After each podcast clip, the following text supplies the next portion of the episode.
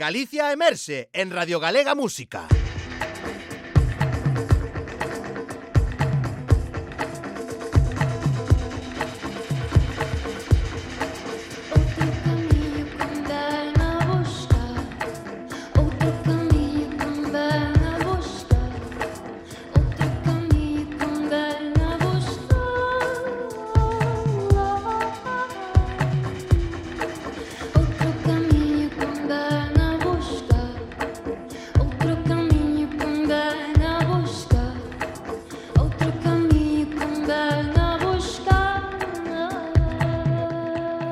Ola, somos Luarna Lubre, estamos encantados de estar aquí neste, nesta emisión do Galicia Emerxe.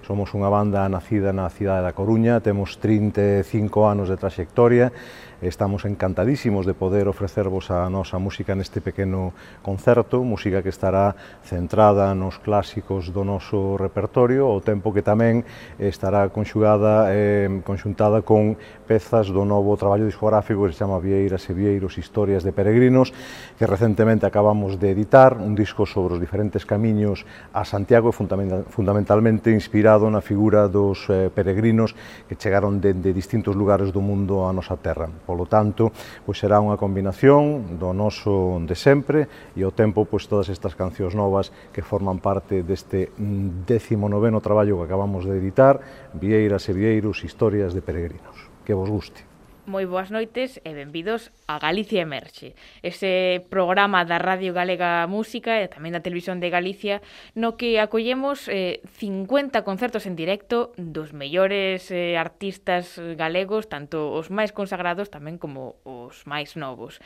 Eu son Lucía Junquera e está aquí comigo Moncho Lemos. Moi boas noites. Que tal? Moi boas noites e antes de nada, hoxe non debería estar eu aquí, eh, porque quen tería que estar é o noso compañeiro eh, Emilio, hmm. do programa Irmá eh, Lúmena Pallera que sabe prácticamente todo, absolutamente todo da historia do grupo que hoxe nos, eh, nos protagonice, pero bueno, imos a desearlle un pequeño respiro, porque a esos domingos pola tarde xa está en, en vivo, en directo con, con ese programa, o programa máis consolidado da historia da radio musical en Galicia dedicada á música tradicional entón, pois bueno, si algún de vostedes ten algunha dúbida despois de escoitar este concerto, calquer dúbida, curiosidade anécdota que queirades saber, chamades a Emilio, eh, o programa programa Lumen a y allí prácticamente todo o que querades saber de, de Luar na Lubre, pois eh, que somos os protagonistas hoxe, como acabades de escoitar sí. a, a, a Vieito, que ademais foi compañeiro noso, todo hai que decirlo, hai moitos anos, ese un programa de, de folk que se facía aquí na, na, na Radio Galega, na, na canle convencional, estaba eh, dirixido e presentado por, por Vieito. Logo, el xa non pudo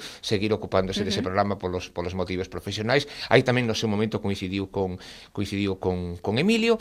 Eh, claro, a verdade é que Conto isto porque acaba de presentarse Vieito el mesmo e como se nota que é un home acostumado sí, a estar sí, diante sí, do sí, micro, sí. verdade? Eh? Claro, un clásico da música e da, e da radio tamén. Sí, sí. Eh, bueno, hoxe acollemos neste peculiar escenario do Galicia Emerxe a unha das bandas máis lonxevas do noso país. Xo dixo Vieito, non? 35 anos, porque levan xirando por Galicia e polo mundo desde 1986. E no 88 publican o seu primeiro disco, O Son do Ar é, por suposto, unha das formacións de referencia do folk e da música de raíz. Estímenos contando, eh, porque son moitos, e teñen 19 discos publicados, entre álbumes de estudio, directos e tamén eh, outros recopilatorios. Extrañaríame mm, moito que quedase alguén en Galicia que non coñece ou que non escuitara a Luar na Lubre. Un dos grandes éxitos, unha das mm, dos grandes triunfos de, de Luar na Lubre é precisamente achegarse máis alá do ámbito dos seguidores da música da raíz, da música folk, sí. da música celta, bueno, que cada un utilice a expresión que, que queira, porque un concerto en vivo, en directo de Luar na Lubre reúne públicos eh, que non nin son consumidores deste tipo de música, pero é verdade que eles consiguen ter unha, unha personalidade única, non só aquí en Galicia, senón hai que hai que recordar tamén que son un dos grupos galegos que máis xiran, eh, que máis concertos fan, eh, que mellor venta entre comillas teñen coas súas músicas e cos seus concertos fora de Galicia, que ten un público moi fiel eh, de seguidores eh, por España e polo mundo adiante. Uh -huh. Pois antes de comezar a escuitalos, eh, presentámolos así un pouco brevemente para o millor que non estea familiarizado coa, coa banda, se queda algún, xa digo, pero, bueno, no sé, nestes 35 anos tivo moitas alteracións, como é normal, pero a baixa máis chamativa o mellor é a de Rosa Cedrón, que deixou o grupo en 2005 para arrancar a súa carreira en solitario. A composición actual está formada por Vieito Romero, que toca as gaitas, o acordeón e a zanfoña, Nuria Naya, o violín, Pachi Bermúdez, o tambor, o bodrum e o jimbek. Bueno, así... Instrumentos bueno, propios... Percusións eh, de, de varias nacionalidades especializados en música, varias nacionalidades sí. de música folk. Sí, sí. sí.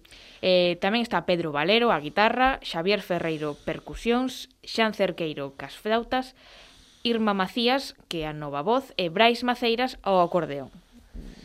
Unha banda ampla Sí, pero todo xira alrededor da personalidade de, de Vieito, porque se hai un grupo, sí. mm, hai grupos que son moito máis colectivos, que son grupos moito máis, eh, digamos, onde teñen repartidos os distintos papéis, pero todos os que coñecen a Vieito, os que siguen a trayectoria de Luana Lobre, evidentemente, eh, aínda que por aí fora moitas veces, cada vez fan entrevistas, din, bueno, un dos creadores, o gaiteiro Vieito Romero, non, mentira, o creador e alma mater, o auténtico xerme fundacional, eh, aquel que é un auténtico resistente que o grupo e a imaxe e semellanza do que do que ele entende que, que ten que ser esta formación, pois é, é Vieito, Vieito Romero, non existiría Luar na Loure sin, sin Vieito Romero, non?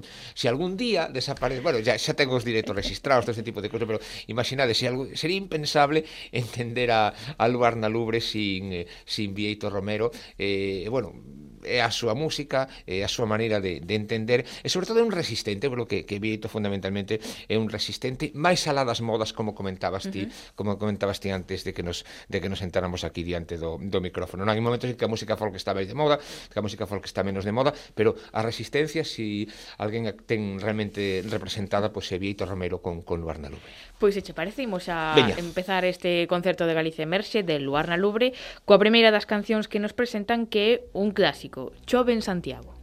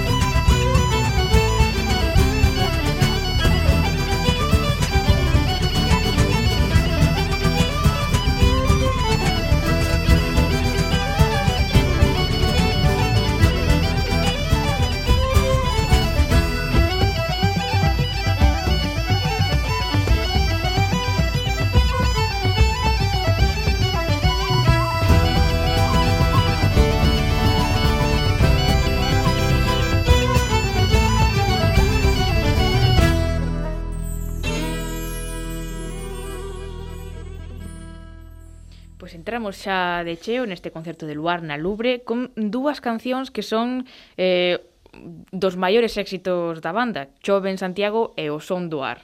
Esta última eh, é a peza que, que os lanzou eh, musicalmente en Galicia, pero tamén no mundo. Eh, se cadra tamén impulsados por outro músico, como é o británico Mike Oldfield, que ten a súa propia versión deste tema. Claro, eh, foi moi significativo para o lanzamento internacional de Luar na Lubre esta, esta colaboración. Eu creo que seguramente sexa en Luar na Lubre eh, o grupo galego que máis colaboracións, máis duetos, máis discos fixo con artistas eh, sobre todo moi distintos e moi dispares. Uh -huh. eh, nos último, no último traballo musical do que logo vas, a, vas falar, pois está, por exemplo, Benvido, esa canción que, que grava con, con nada máis e nada menos que, que Miguel Ríos. E logo, claro, así, facendo un pouco de memoria, pois eh, aparte Mike Colfield recordaba recordamos, por exemplo, unha banda moi lexendaria dos 80 dos 90 que eran The Waterboys, The Course, eh, o mítico Bob Gelford, eh, creador de, de Button Rats e daqueles famosos concertos solidarios, Kepa Junquera, eh, Luz Casal, en uh -huh. España, por exemplo, nomes como Diana Navarro, como, como Ismael Pedro Serrano. Guerra, Ismael Serrano, claro, hai un montón de, de artistas que en un principio tampouco que sexan artistas vinculados fundamentalmente a, a música folk, a música de raíz, e que, sin embargo, gravaron con, con, con Luarna Libre, perdón, con Luarna na Lubre, perdón,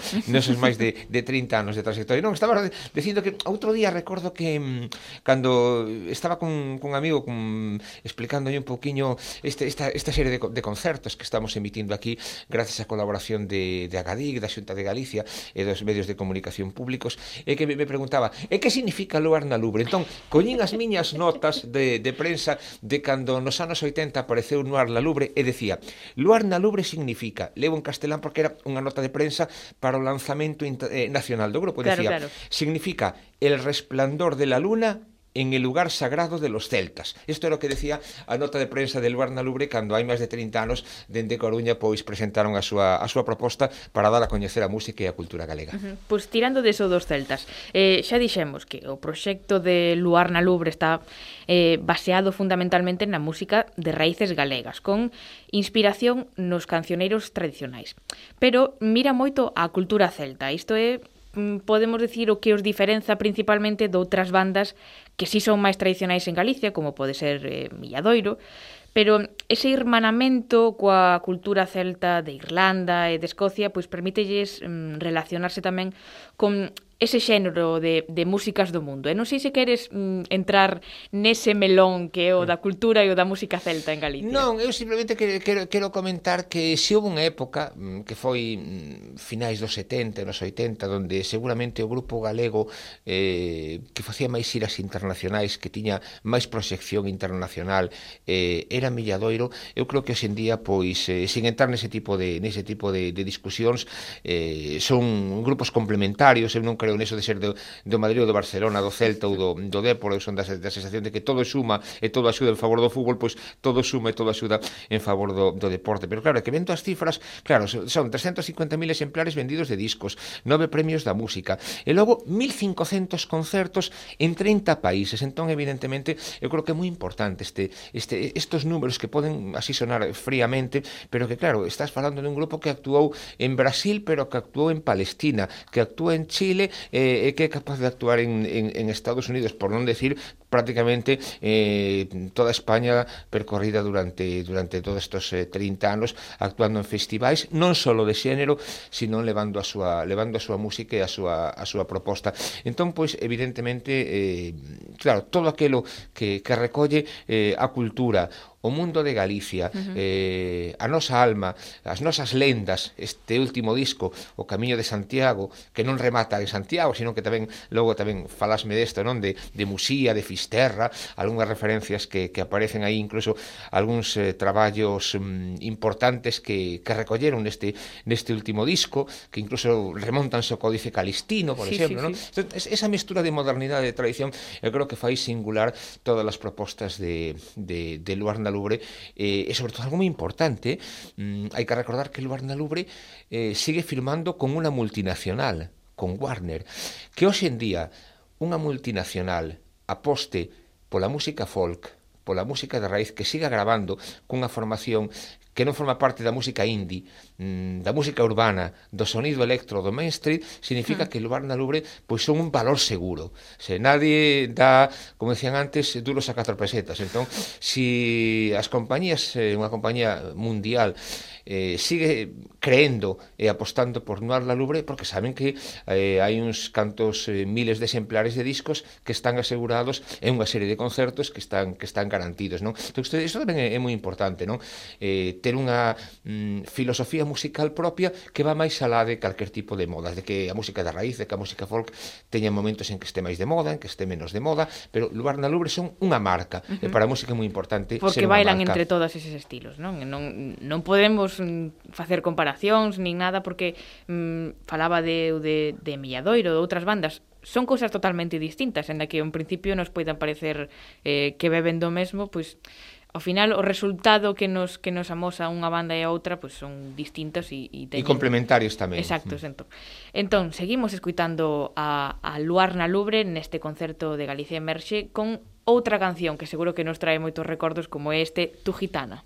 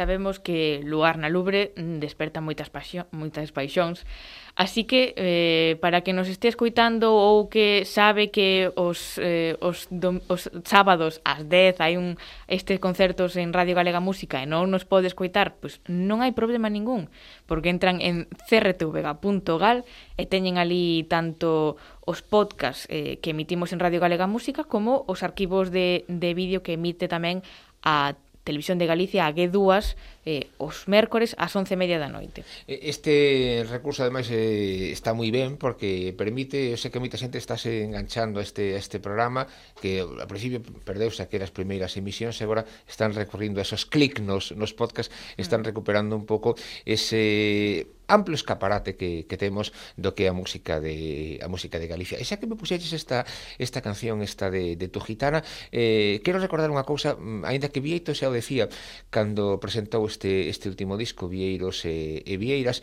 que eh, unha das asignaturas eh, pendentes do disco pois era, perdón, da banda era un CD recopilatorio con temas da lírica medieval eh, galega entón, eh, neste último disco que, que saiu hai, hai, hai un ano eh, coincidiu menos, menos. oito meses ou mellor pode ser, non? sete, oito meses eh, finais de 2020, podemos decir, claro. así entón, pois eh, hai un segundo CD con colaboracións con artistas moi distintos como, como Diana Navarro, como Pablo milanés, o que decías antes, de Ismael Serrano, incluso a Orquesta Sinfónica de Bratislava. Digo isto porque eh, é moi importante eh, o que comentábamos antes, non o éxito de, de Luar na Lubre ven moitas veces abrindo novas portas por esas colaboracións e por esos artistas. Entón, eh, o importante tamén é que todos estos artistas, isto esta comentaba nas entrevistas de promoción Vieito, se adaptan un pouco a que les, a que les piden, non? Benvido, esa canción, por exemplo, que poñemos moito en, en, en Radio Galega Música, con Miguel Ríos, eh, que pode pensar que Miguel Ríos Pode adoptarse a cantar as suxerencias de, de, de Vieito, incluso Diana Navarro, ou Ismael Serrano, Pablo Milanés, ou Carlos Jim, por exemplo. Sí, ¿no? Bueno, sí. pues, claro, aí están seguindo un pouco eh, esa, esa línea maestra. Por eso eu insistía moito en que eh, Lorna Lubre é a personalidade de, de, de Vieito Romero. non, estaba pensando ademais que, que me, acordéme moito del porque mm, é un home moi pegado, un, un home co, cos uh, pés no chan, non?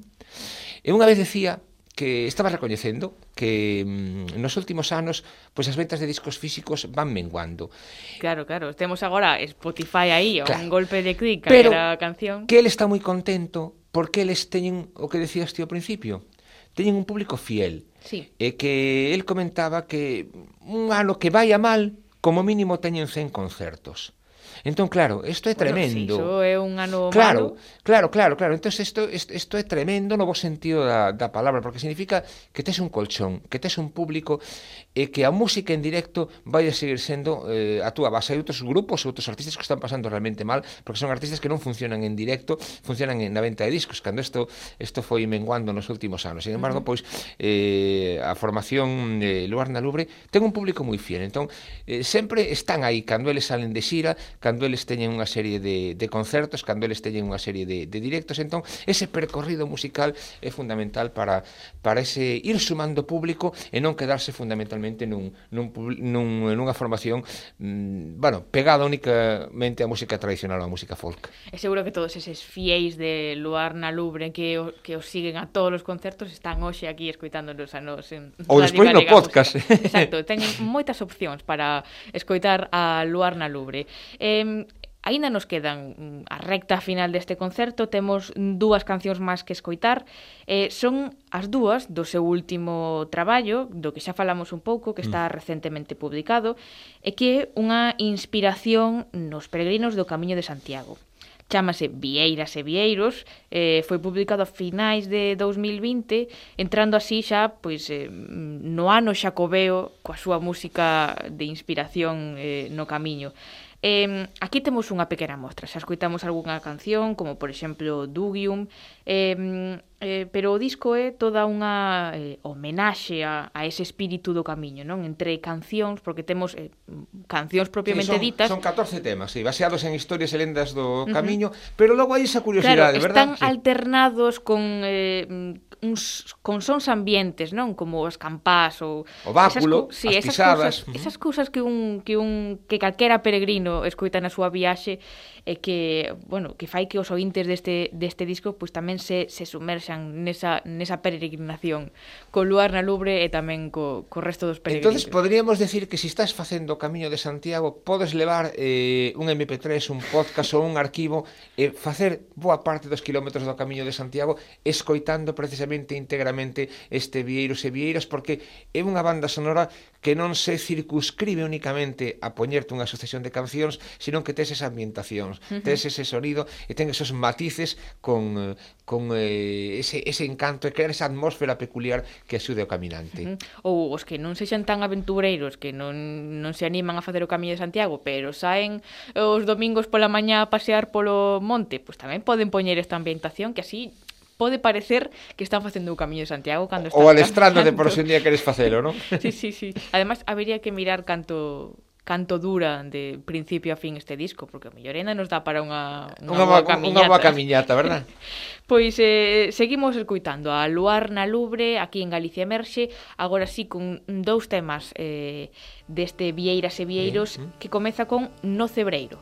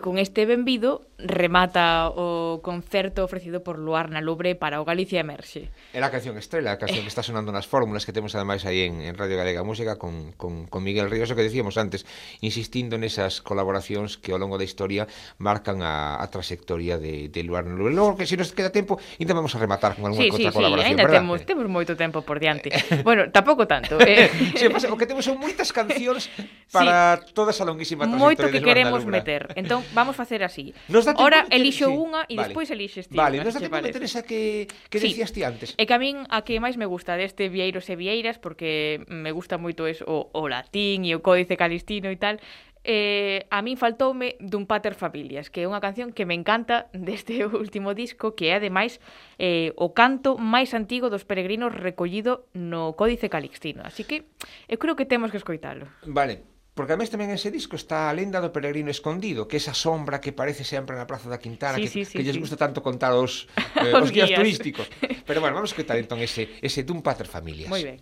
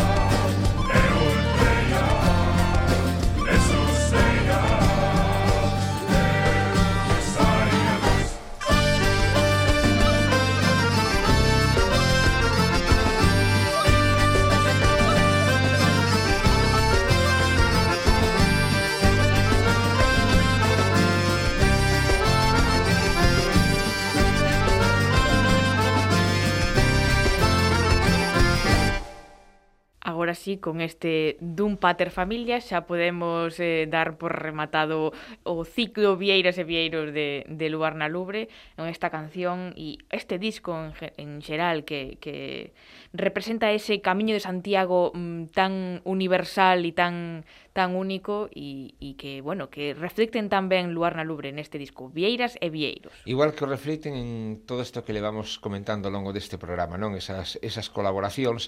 Recordo unha palabra unha vez que, que decía Vieito cando se puso de moda o tema das fusións. O decía, uh -huh. pero claro, vemos na, trayectoria do grupo que hai artistas e voces moi distintas e moi moi dispares e sí, ti non sí. entendes moi ben que fan cantando con, con Luar na Lubre. Entón Pieito decía, cando fusionas algo, tes que saber moi ben o que estás fusionando. O problema é a confusión.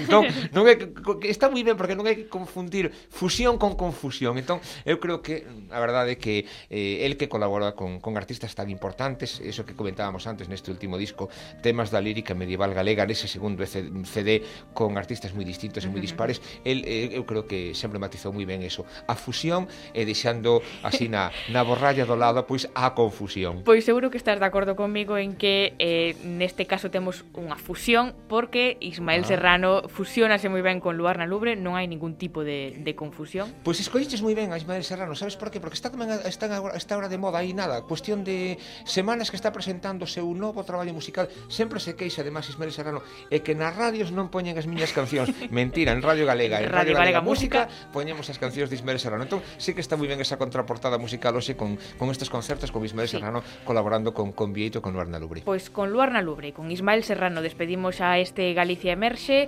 hasta o próximo sábado, Moncho, que volveremos con moitísima máis música en directo. E un saludo a todos aqueles que nos escoitades despois nas descargas de podcast deste espacio tamén. Moi boas noites e ata a semana que ven.